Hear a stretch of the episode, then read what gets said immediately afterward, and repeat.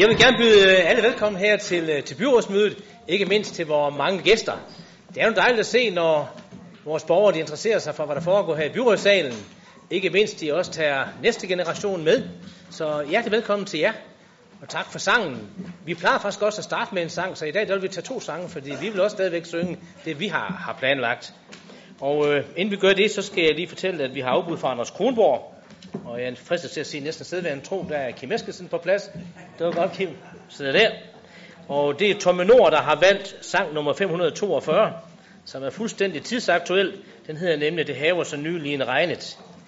Så skulle vi lige til at synge den.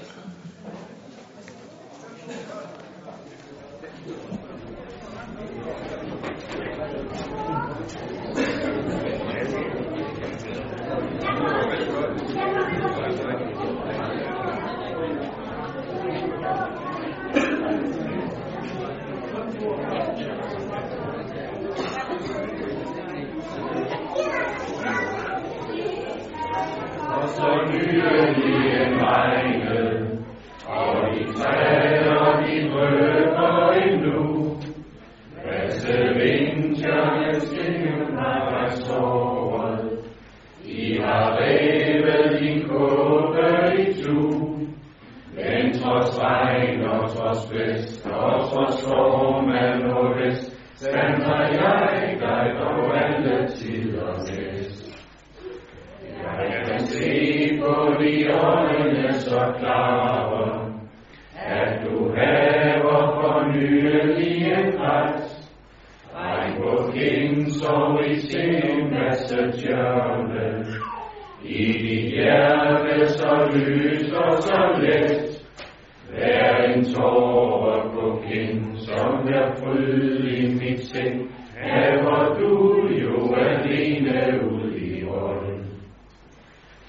min fod vil at fjeld vil jeg sprede.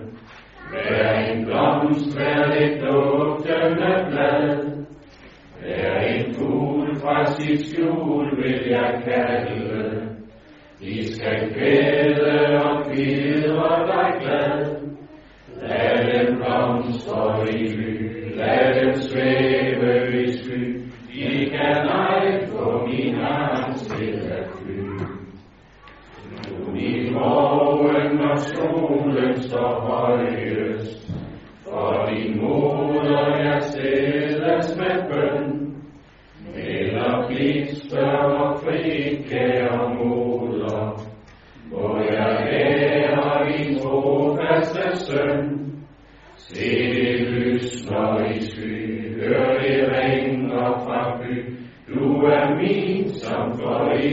Jeg er din.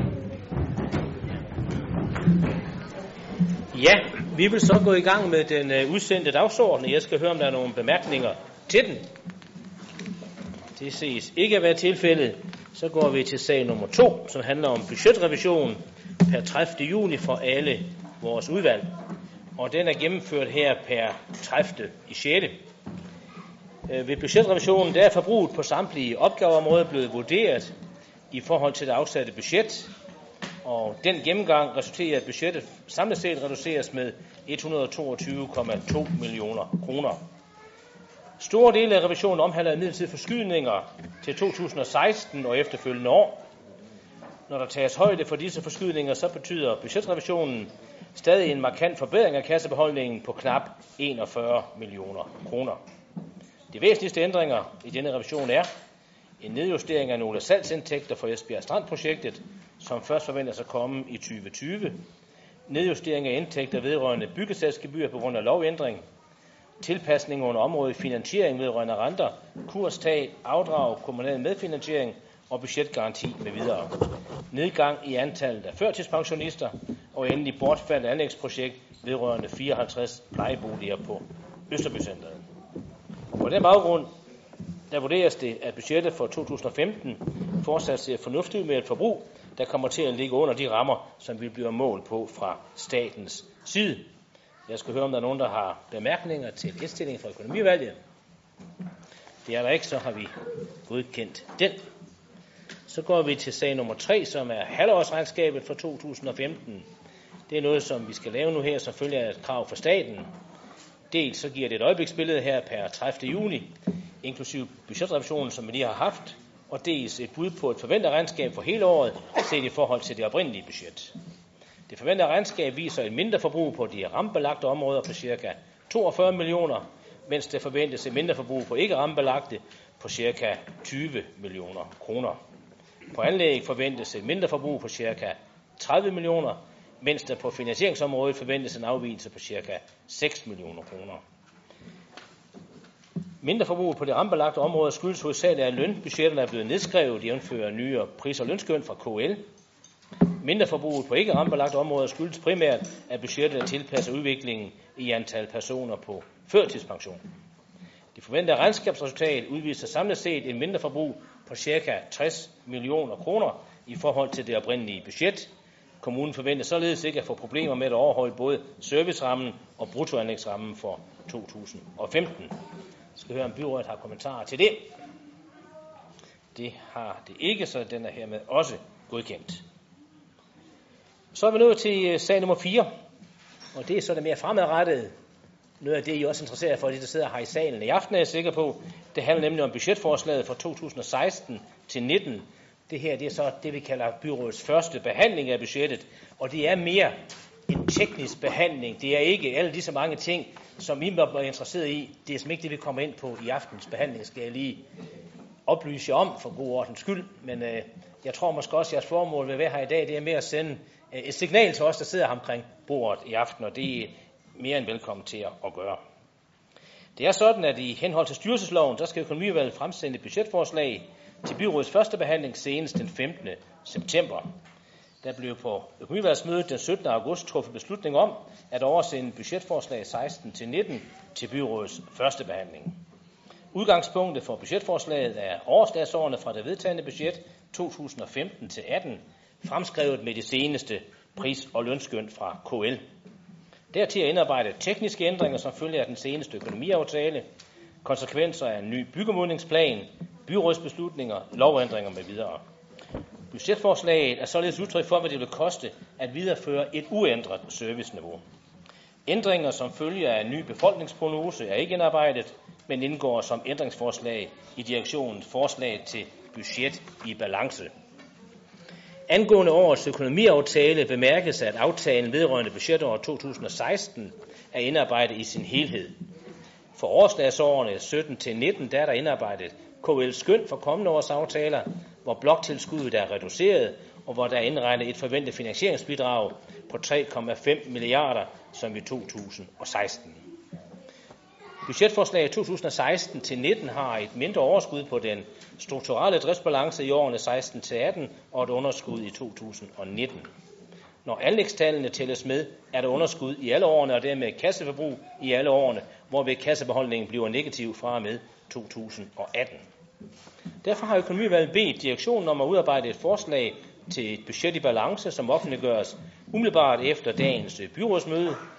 Budget i balance danner herefter grundlag for de politiske forhandlinger frem mod byrådets anbehandling, som finder sted her i lokalet den 5. oktober 2015. Der plejer at være mange, som ønsker ordet i dag, og rækkefølgen den bliver, som jeg her nævner. Jeg starter ubeskeden selv. Derefter får John Snedgaard ordet, så bliver det Henning Overgaard, Diana Mose Olsen, Frede Madsen, Henrik Valdø og endelig Bente Bendix Jensen. Og til vores mange gæster skal jeg lige oplyse, det er sådan, at når man nu laver sådan en, en første behandling her af budgettet, så får ordførerne fra de forskellige partier, så får de lejlighed til at holde en ordførertale, hvor de kommenterer på, på rigets øh, tilstand. Og det er det, vi så går i gang med nu her. Så jeg håber, I sidder godt, fordi øh, det kommer sådan set til at tage en lille smule tid, det her, men det er I formentlig opmærksom, øh, opmærksomme på. Kan du ikke lukke den her op til mig? Også?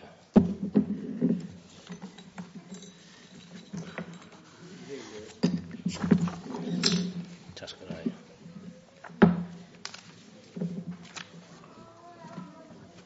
Men jeg vil starte med at øh, konstatere, at vi nok står over for de formentlig vanskeligste budgetforhandlinger i Esbjerg Kommunes historie.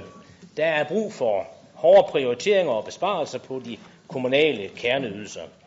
Det er et faktum, som ingen af os kan løbe fra, uanset hvordan forhandlingerne så i øvrigt udvikler sig her over de kommende uger.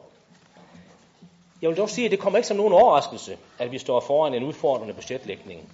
Prognoserne for kommunens samlede økonomi var allerede tydelige i september sidste år, da vi afsluttede forhandlingerne. Alle omkring det bord, hvor vi sad sidste år, var klar over, at vi ikke var nået i mål endnu. På daværende tidspunkt havde vi, ikke bare, havde vi bare ikke det fornødne grundlag for at tage forhandlingerne det sidste stykke af vejen. Og derfor var forlispartierne også enige om, at der skulle i gang sættes en ekstraordinær gennemgang af kommunens driftsområder. Formålet, som det står skrevet i forlisteksten, var dels at skabe et tilstrækkeligt råderum til nye, nødvendige anlægsinvesteringer, og dels at minimere risikoen for evigt tilbagevendende sparerunder. Vi har nu fået udarbejdet et bedre beslutningsgrundlag. KORA, som er en forkortelse af det Nationale Institut for Kommunernes og Regionernes Analyse og Forskning, har gennemført en række analyser for os i løbet af efteråret 2014 og foråret 2015. Og disse analyser de tegner sådan set et meget klart billede af kommunens økonomiske situation, som dels bekræfter vores egne prognoser, og dels sætter nogle klare rammer for de kommende forhandlinger. Og lad mig her nu fremhæve tre af konklusionerne. Den første konklusion siger, de økonomiske grundvilkår er mindre gunstige i Esbjerg end i en landsgennemsnitlig kommune. Udgiftsbehovene, som primært skyldes det, der hedder socioøkonomiske forhold, lægger et pres på kommunens ressourcer, der er cirka 3% større end landsgennemsnittet. Disse grundvilkår kan vi ikke ændre på kort sigt, og derfor er vi nødt til at tilpasse os. Det betyder i praksis, at Esbjerg Kommune, for at skabe balance i økonomien, må have et beskatningsniveau, der ligger over landsgennemsnittet, eller et serviceniveau, der ligger under landsgennemsnittet, eller for den sags skyld en kombination af begge disse muligheder. Konklusion nummer to siger, Esbjergs udgifter stiger hurtigere end gennemsnittet i de danske kommuner, og da indtægterne samtidig stiger mindre end gennemsnittet, så er kommunens driftsøkonomiske balance under et ganske betydeligt pres. Og tredje konklusion siger, at Esbjerg har i kraft af sin gode likviditet indtil videre kunnet kompensere for kommunens beskedende driftsoverskud ved at trække på vores kassebeholdning. Det er dog en politik, som ikke er langtidsholdbar, og derfor vil der i de kommende år være behov for at sikre en bedre balance mellem udgifter og indtægter. Man kan vel egentlig sige, at disse hovedkonklusioner taler sin meget eget tydelige sprog. Vi er ganske enkelt tvunget til at tilpasse vores økonomi til de grundvilkår, som vi er underlagt. Det er et faktum, som ikke står til debat, medmindre vi der ønsker at underminere kommunens økonomiske frihedsgrader og fortsatte virke.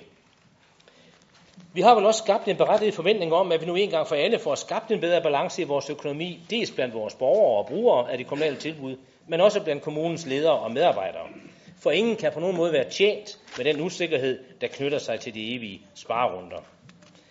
Vi kan nok aldrig helt værne os mod skiftende regeringers ambitioner og nye reformer og lovændringer fra Christiansborg, men vi kan bringe orden i egen økonomi, så vi er bedre rustet til de ændringer, som, u- som uundværligt vil komme.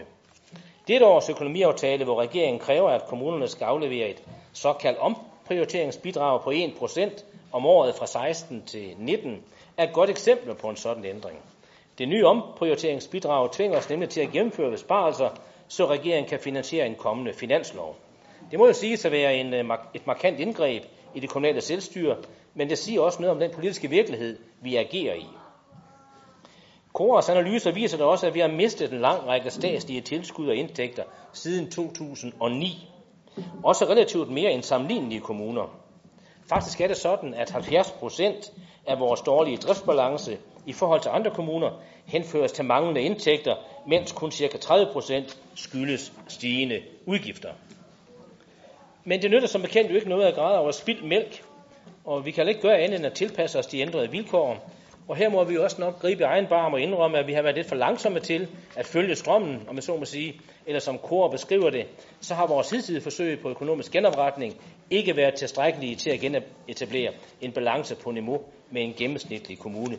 Det skal vi gøre anderledes fremadrettet. Når vi snakker om økonomisk genopretning, så kommer vi også til at snakke om det principielle valg mellem højere skat og lavere service. Og der er det sådan, at i første omgang, der har økonomiudvalget valgt at sende en ansøgning om en mulig skatteforhøjelse til Social- og Indrigsministeriet, men vi har endnu ikke taget stilling til, om denne mulighed skal udnyttes, hvis vi får et positivt svar fra ministeriet.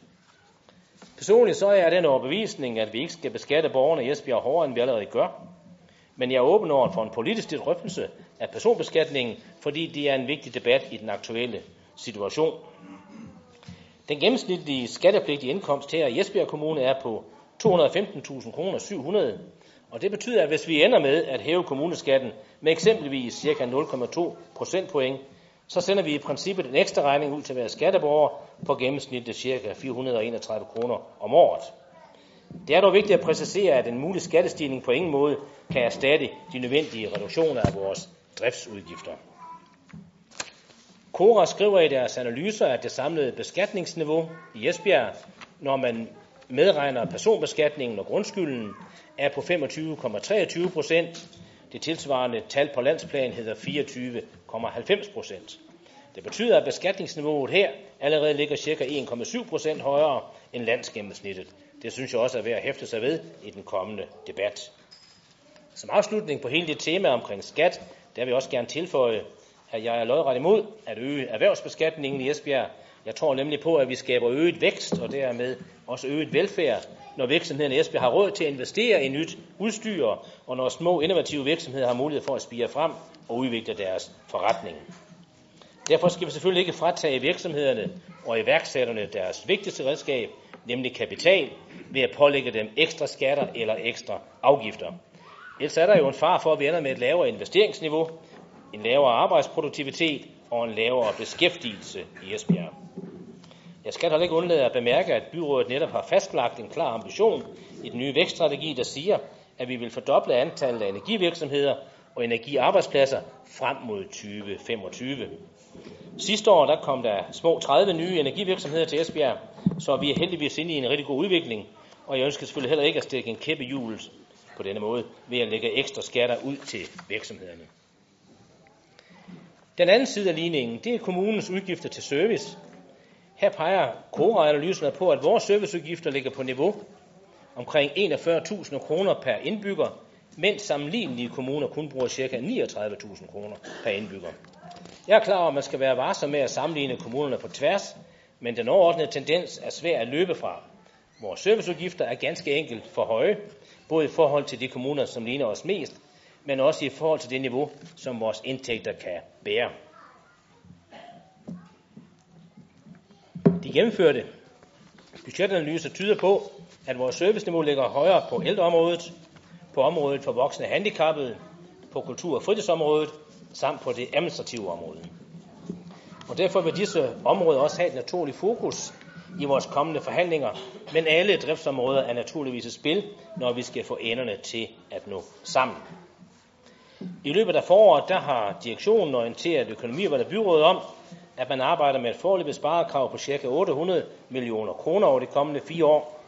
I princippet burde tallet nok ligge tættere på de 900, hvis vi skal sikre det, der hedder grønne nøgletal i alle budgetår. Men jeg er også klar over, at der kan blive behov for en gradvis indfasning af så omfattende besparelser. Omlægning af vores tilbud og ydelser skal selvfølgelig ske i et tempo, som vi alle kan stå inde for. Tættere er vi jo heller ikke på den økonomiske afgrund, men vi er altså nødt til at rette op på den nuværende ubalance, så vi ikke bevæger os for langt ud på kanten her i de kommende år. Det omtalte sparekrav på godt 800 millioner er velkendt i byrådet, i pressen og blandt kommunens medarbejdere og ledere, men ingenting er som bekendt afgjort, før byrådets partier har haft mulighed for at drøfte direktionens forslag til et budget i balance. Hvis vi ender med at gennemføre besparelser på det angivende niveau, hvilket skal være min klare anbefaling her i aften, så svarer det til, at vi reducerer kommunens serviceudgifter med ca. 5% om året, når besparelserne er fuldt indfaset. Budgetlinjen kommer altså til at handle om driftsbesparelser, men besparelser er ikke det eneste tema i forhandlingerne. Vi skal også drøfte nye og nødvendige anlægsinvesteringer. Denne drøftelse handler i bund og grund om, hvorvidt vi har penge nok til at vedligeholde vores veje, vores fortog, gadetræer, til at bygge nye daginstitutioner, plejecentre, sociale døgninstitutioner og til at udvikle vores infrastruktur, bymidter og erhvervsområder til gavn for borgere, brugere og virksomheder. Denne del af det kommunale budget er mindst lige så vigtig som driften. Vi kan allerede nu se, at der er sat for få penge af til anlæg i de kommende år, især i årene efter 2016. Hvis vi skal fastholde et nogenlunde fornuftigt investeringsniveau i fremtiden, så har vi brug for at øge vores anlægsprogram med ca. 400-500 millioner kroner frem mod 2019. Og disse penge kan i princippet kun tilvejebringes, hvis vi gennemfører besparelser på driften. Denne forudsætning er allerede indeholdt i det omtalte sparemål, men vi kan selvfølgelig ikke bruge pengene, før vi er blevet enige om finansiering. Det burde tale for sig selv. Kora skriver, at der ikke kan opstilles noget normtal for, hvad der er et godt anlægsniveau, fordi det vil afhænge ikke bare af bygningsmassens struktur og vedligeholdelsestandard, men også af den demografiske og økonomiske udvikling. Men deres analyse viser meget tydeligt, at anlægsinvesteringerne i Esbjerg er dæmpet i de senere år i forhold til det gennemsnitlige, både i landet som helhed, i regionen og også i gruppen af sammenligningskommuner. Derfor er vi også nødt til at finde plads til et højere kommunalt anlægsniveau inden for eksisterende rammer. For ellers risikerer vi jo, at investorerne, virksomhederne og borgerne søger andre steder hen, hvor der er bedre muligheder for vækst, beskæftigelse og bosætning. Og det vil på alle måder være en skidt udvikling for Esbjerg, hvis det skulle ske. Behovet for nye anlægsinvesteringer skal også ses i sammenhæng med Esbjerg Kommunes nye vækststrategi og vision 2020. For uden ambitionen om at fordoble antallet af energiarbejdspladser og energivirksomheder, så har byrådet sat sig det erklærede mål, at vi vil øge indbyggertallet fra eller øge indbyggertallet til 120.000 i 2020 og øge antallet studerende til 10.000. Det er faktisk ganske ambitiøse mål, og derfor bør Esbjerg Byråd selvfølgelig også gå foran i processen med konkrete initiativer og konkrete investeringer. På den måde viser vi ikke bare vejen, vi trækker også andre aktører og private investorer med os i, i processen, og det er en nødvendighed, hvis vi skal fastholde og udbygge den ønskede vækst her i vores kommune. Vi har allerede stadfæstet vores position som energimetropol, både nationalt og internationalt. Vi er Danmarks tredje vækstcenter, men den udvikling, som vi ser inden for offshore-sektoren, på Esbjerg Havn, i etableringen af Esbjerg Strand, i udviklingen af campusområdet, i etableringen af landgangen og ved oprettelsen af en ny nærbane, som binder hele kommunen sammen, jamen det er jo en udvikling, som ikke kommer af sig selv. Den kræver markant politisk lederskab, og den kræver langsigtede satsninger og investeringer. Og derfor er vi også nødsaget til at tænke flere år frem, når vi prioriterer de ressourcer, som vi har til rådighed. Selvfølgelig skal vi ikke beskære den kommunale service hårdere end nødvendigt, men vi skal ikke skrue det kommunale anlægsniveau så langt ned, at vi bliver en hemsko for væksten. Det handler altså om at finde den rette balance, og det synes jeg bestemt, vi har fundet i de måltal, som vi opererer med. Det vil sige et gennemsnitligt anlægsniveau på omkring 170 millioner kroner om året. Vi har et stort øh, behov for at udbygge og renovere vores daginstitutioner, plejecentre, sociale tilbud og kommunale ejendomme, ligesom vi har et stort behov for løbende at vedligeholde vores veje og fortov. Og derfor skal vi selvfølgelig også drøfte disse områder, når vi kravler ind til forhandlingsbordet her i starten af næste uge. Men når vi har sat et ambitiøst mål om at være Danmarks tredje vækstcenter, så bør vi også drøfte, om der skal sættes flere penge af til at realisere nogle af de politiske visioner, der er indholdt i vores vækststrategi, i vores 2020-plan og i Esbjerg byplan. Jeg vil ikke binde mig til specifikke anlægsprojekter i dag, men jeg synes, vi bør drøfte en række af de mulige udviklingsprojekter, der allerede ligger på tegnebrættet. Lad mig bare i flæng nævne udvikling af Banegårdspladsen med bedre mulighed for ophold og aktivitet, udvikling af Remiseparken, udvikling af byparken og forpladsen til musikhuset i sammenhæng med de nye muligheder, som landgangen og havnepromenaden den giver, udvikling af den grønne ring, den indre grønne ring med nye forbindelsesveje for cyklerne og gående og med nye byfaciliteter op til denne ring. Trafiksaneringsprojekter i Bramming med udgangspunkt i den netop vedtagende trafikplan, implementering af trafikplan i Ribe, igangsætning af cykelstiplan, etablering af flere kollegieværelser her i Esbjerg, udvikling af områderne omkring idræts- og læringsanlægget ved Dejnevej og UC Syd. Blot en række af de ting, som vi har i støbeskeen, men som vi ikke har fundet finansiering til endnu, men som vi forhåbentlig gerne skulle finde penge til at få gennemført. Det er ikke sikkert, at vi kan finde finansiering til disse projekter inden for de kommende fire år, men listen den vidner på udmærket vis om, at der fortsat er mange relevante investeringsmuligheder i Esbjerg, investeringer, der både kan komme borgerne og virksomhederne til gavn. Dette understreger selvfølgelig også det generelle pointe, at vi er nødt til at opbygge en større robusthed i vores økonomi, så vi har råd til at foretage de nødvendige investeringer. Kort sagt, jeg ser frem til en række spændende forhandlinger, der både vil have fokus på driftsbesparelser og anlægsinvesteringer. Og som altid, så håber jeg selvfølgelig på, at vi kan samle så mange af byrådets partier som muligt omkring et kommende forlig. Og med disse ord, så vil jeg give ordet til John Snedger. Værsgo, John. Mange tak for det. I øh, februar, tror jeg det var, der udtalte øh, borgmesteren, sådan lidt overraskende for de fleste, at Esbjergs økonomi lå i den bedre ende sammenlignet med andre af landets kommuner. Sandheden er, at den altså ikke går længere. Vi bruger flere penge, end vi har. Derfor tager vi voldsomt på vores opsparing. Fra at vi fra få år siden havde en gennemsnitlig likviditet, der lå blandt landets fem højeste, så vil vi bare om tre år have brugt alt råb og stup. Og allerede før den tid vil Esbjerg Kommune komme under statens administration, hvis ikke byrådet her for alvor får skabt økonomisk balance. Vi er ganske enkelt nødt til at spænde livremmen ind for at bruge en floskel fra en tidligere venstremand.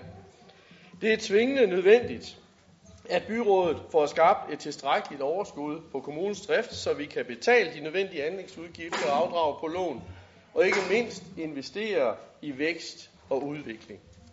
Det ser virkelig skidt ud.